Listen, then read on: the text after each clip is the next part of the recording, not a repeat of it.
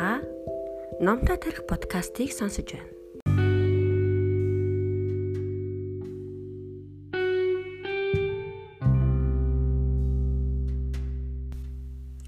Алтан дээл Карнегийн номын 1-р дэвтэр 2 дугаар хэсэг 6 дугаар бүлэг.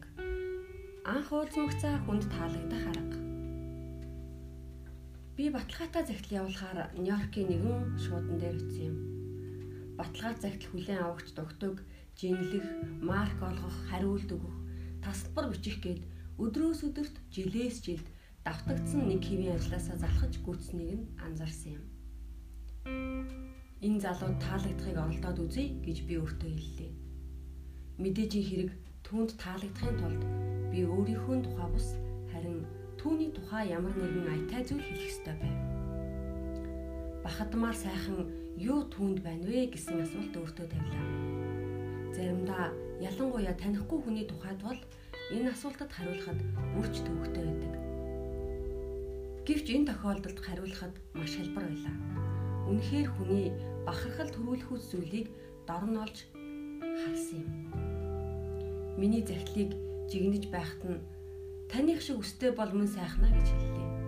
Тэрээр над руу баг зэрэг гайхан харахад нь нүүрэнд нь инээмсэглэл гэрэлдэв. Үүнээс сайхан байсан юм а гэж даруухнаар хариулв. Зарим талаараа гой сайхнаа алдсан байж болох боловч гайхам сайхан хിവэрэл байна нэмэн би бодлоо.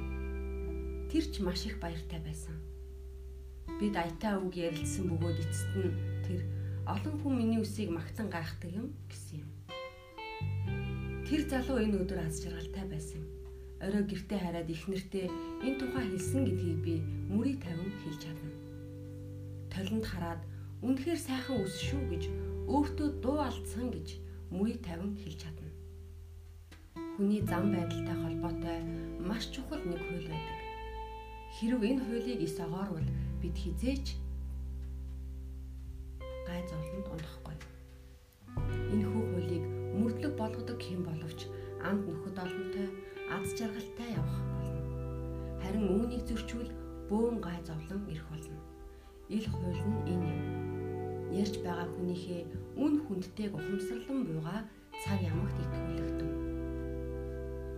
Гүн ухаантнууд олон мянган жилийн турш хүмүүсийн харилцааны хим хэмжээний тухай бясалгаж ирсний үр дүнд нэгэн чухал хууль тодорч иржээ.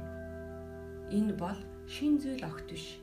Хүн төрлөختний түүхтэй өөртөө надад урт настай зүйл юм. Бусад хүн таны төлөө хийгээсэ гэж хүссэн тэр бүгдийг бусдын төлөө хийх түн. Та уулзаж учирсан хүмүүсээсээ дэмжлэг хүлээж болно. Та жинхэнэ хэр хэмжээгээрээ хүлээн зөвшөөрүүлэхийг хүсдэг байж болно. Та худал магтаал сонсхийг хүсдэггүй. Харин та тэр хэр хэмжээгээрээ жинхнэр үнэлүүлэхийг эрхэмлэх хүсдэг байж болно. Найз нөхөд хамтран зүтгэгчд чинь чин үнэн үнэлэлт өгч өгөөмөр магтаал хайрлахыг хүсдэг байж болно. Бид бүгд үүнийг хүсдэг. Тэгэхээр алтан дүрмээ баримтлан хүмүүсээс хүссэн зүйлээ түгээж явах хэрэгтэй. Харин яаж хизээ хаан тэрвэ? Цаг ямагт газар сайгүй гэж хариулах байна. Жишээ нь би ноён Генри Сувений альбом өрөөний дугаарыг мэдэх гэж радио сетийн лавлахад хандсан юм. Дөрөв товцтой альбом хаагч хүмүүсийн асуултанд хариу өгөхдөө өнгө аясаараа илт бахархаж байлаа. Тэрээр Генри Сувен 18 дугаар давхар 1816 дугаар өрөө гэж оновчтой тодорхой хариулав. Би цахилгаан шат руу ухс хийснээ эргэж асуултад минь сайхан хариулсан дээр талархъя. Таны хариулт оновчтой тодорхой байна. Та яг л жүжигчин шиг хэллээ. Тэр бүр ийм юмтай таарахгүй шүү гэж хэлсэн юм. Түүний царай гэрэлтэн төр дуугүй болсон хийгээд энэ тэр үгийг яагаад чухамгүй тэгж дуулснаа тайлбарлаж үлээ. Энэ хитгэн үг маань түүнийг зангиагаа засахад хүргэсэн бөгөөд би өөрөө ч магтаал хэлж түүнийг баярлуулсан да сэтгэл ханамжтай үлдээ 50-20-ын хүмүүсийнхээ үнд хүндтэй талыг хүлээн зөвшөөрөх энэхүү гүн ухааныг хэрэглэхийн тулд Францад элчин сайдаар томилогдохоо хүлээх хэрэггүй. Үүний тусламжтайгаар эд шидийн гэмээр үрдөнг бараг өдөр бүр амсах болно. Тухайлбал хоол зөөгч эмэгтэй захиалсан шарсан төмсний чин оронд төмсний нухас шавчрвал түүг өчрүүлсэн дуучлан нь би шарсан төмсөн дуртай юм л да гэж хэлээд үзээрэй. Зөөгч танд ядах юм огтхон ч үгүй гэж хэлээд хүндтгэн харьцсан учраас дуртаяа сольж өгөх болно. Төвөг учруулсанд уучлана. Та сайхан сэтгэлтэй хүн юм аа. Та дургуутсахгүй биз дээ. Их баярлалаа зэрэг өгнө. Бидний нэг хувь хэвийн амьдралыг чимэглэхийн зэрэгцээ сайн хүмүүсийн шинж тэмдэг болдог юм. Таарсан болгон чинь ямар нэг талаар өөрийгөө танаас дээгүрт тавьдаг гойж гоодоогүй үнэ юм.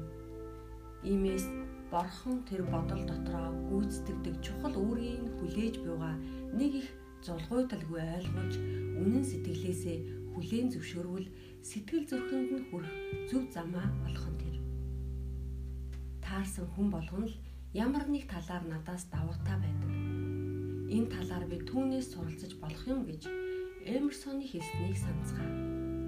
Миний хичээлд суусан зарим нэг ажил хэрэгч хүмүүс заасан зарчмыг хэрэглэн гойд үр дүнд хүрсэн тухай ердөө 3 жишээ хэлье. Үүнийг Луис энд Валентайн пүүсийн захирагч Рай хотод ойж бололд гоёмсог ургамал тариалтай эрхэлдэг Дональд Макмогон ярьсан юм. Би хэрхэн найз нөхдийгөө өөртөө татаж хүмүүст нөлөөлөх тухай лекц сонссныхоо дараа нэгэн нэрт хуульчийн цэцэрлэгийг тогтжуулах ажил хийж байлаа. Нэг удаа цэцэрлэгийн эзэн зарим нэг цэцгийг хаан суулгах талаар надад зөвлөгөө өгөхөөр гарч ирсэн юм. Ярианыхаа явц та нохоо сонирхдаг юм а да. Би таны сайхан нохтыг харж баярлаа. Миний мэдхээр та жил бүр тэмцээнээс олон шагнал авдаг байхаа гэж хэлсэн юм. Миний хэлсэн энэ үг гайхалтай үр дүнд хүрв. Тийм шүү. Ноход маань надад үнэхээр баяр өгдөг. Миний нохоон байрыг үзэх үү гэлээ. Тэгээд бараг бүтэн цаг нохтоо авсан бай шагналыг нь үзүүлв. Бүр нохоонуудынхаа удам судрыг хүртэл ярьсан юм.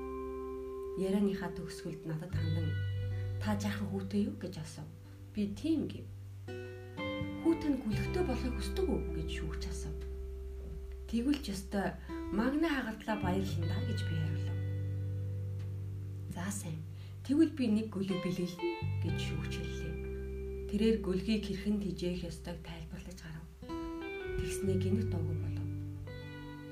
Миний хэлсэн ярьсныг бүгдийг та мартчихандаа. Ерөөсө бичээд өгье хэлээ. Гэртээ орж гүлэгний удам судар хэрхэн тижээх санамж бичээд 100 долларын үнэтэй гүлэг бэлгэлсэн юм. Үүнээс гадна дуртай зүйлийн тухай ярьсны төлөө л үнэт цагаасаа бүтэн 1 цаг 15 минутыг надад зориулсан юм да. Тэгвэл бусдын сайн чанарыг хүлээн зөвшөөрөх энэхүү шидэт зарчмыг бид хизээ хаана хэрэглэх ёстой вэ? Гэр орноосоо эхэлж болохгүй нь юу байх вэ? Гэр орноос илүү хамгийн хэрэгтэй мөртлөө хамгаас хайхамжгүй хандаж ирсэн өөр газар би мэдэхгүй юм. Таны ихнэр заавал сайн чанартай гэдэг яриангүй. Ямар ч гэсэн та хизээ нэгэн цагт тэгж бодож л байсан байгаа. Тиймгүй бол гэрлэхгүй л байсан шүү дээ. Тэгвэл түүнийхээ сайн сайхныг магтан биширснээс хойш хичнээн хугацаа өнгөрч одсон болоо. Гэр бүлд үннээсээ ярих нь хэрэггүй дипломат зам хэрэгтэй.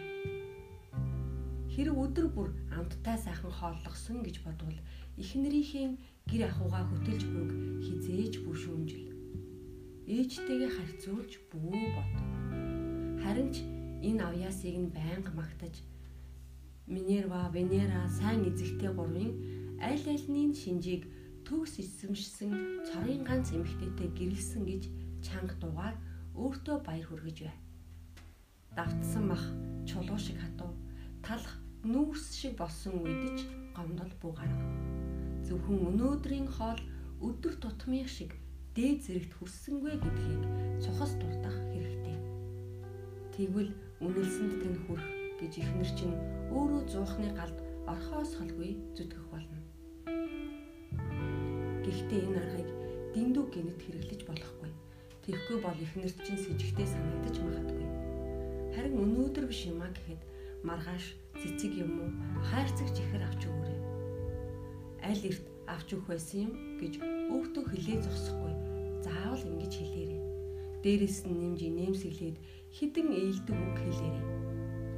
Олон ихнэр нөхөр ийм тактик хэрэгэлдэгсэн бол салж сарнахгүй байгсан. Эмэгтэй хүнийг өөртөө хэрхэн дурлуулж болохыг мэдхийг хүснэ үү? За яах вэ? Нууцаах хуваалцъя. Их дүнтэй шүү. Үннийг хэлэхэд миний санаа биш л дээ. Дороти Диксээс зээлдэж авсан юм. Тэр нэг удаа 23 эмэгтэйн зүрх сэтгэл хадгаламжийн дэвтрийг нь эзэмдсэн олон их нэртэй нэгэн нэрийн ярилцлагыг шоронд авсан гэдгийг дашрамт хэлэх нь хэрэгтэй баг. Ямар арга хэрэглэн ийм үр дүнд хүрсэн тухайн асуухад нөгөөхөр хариулахдаа ядаж зөх юмгүй эмэгтэй хүнтэй өөрийнх нь тухай ярих хэрэгтэй гэж хариулжээ. Мөн энэ аргыг ирчүүлд бас хэрэглэж болох юм. Эрэгтэй хүнтэй өөрийнх нь л тухай тун. Тэгвэл таныг хэдэн цагаар сонсох болно. Химэн хизээ нэгэн цагт Британийн эзэн тулсыг захирч байсан ухаанд хүмүүсийн нэг Дизрели хэлж байжээ. Ингээд хэрв та хүмүүст таалагдахыг хүсвэл ярьж байгаа хүнийхээ үн хүндтэйг ухамсарлан буйгаа итгүүлэхдээ чин сэтгэлээсээ хандагдав гэсэн 6 дахь журмыг баримтлана. Харин номоо хааж тавиад бусдын сайн чанарыг хүлээн зөвшөөрөх энэ аргыг хамгийн дотны хүндээ хэрэглээд эд шидтэй үйлчлэлийг нь ажиглаарай.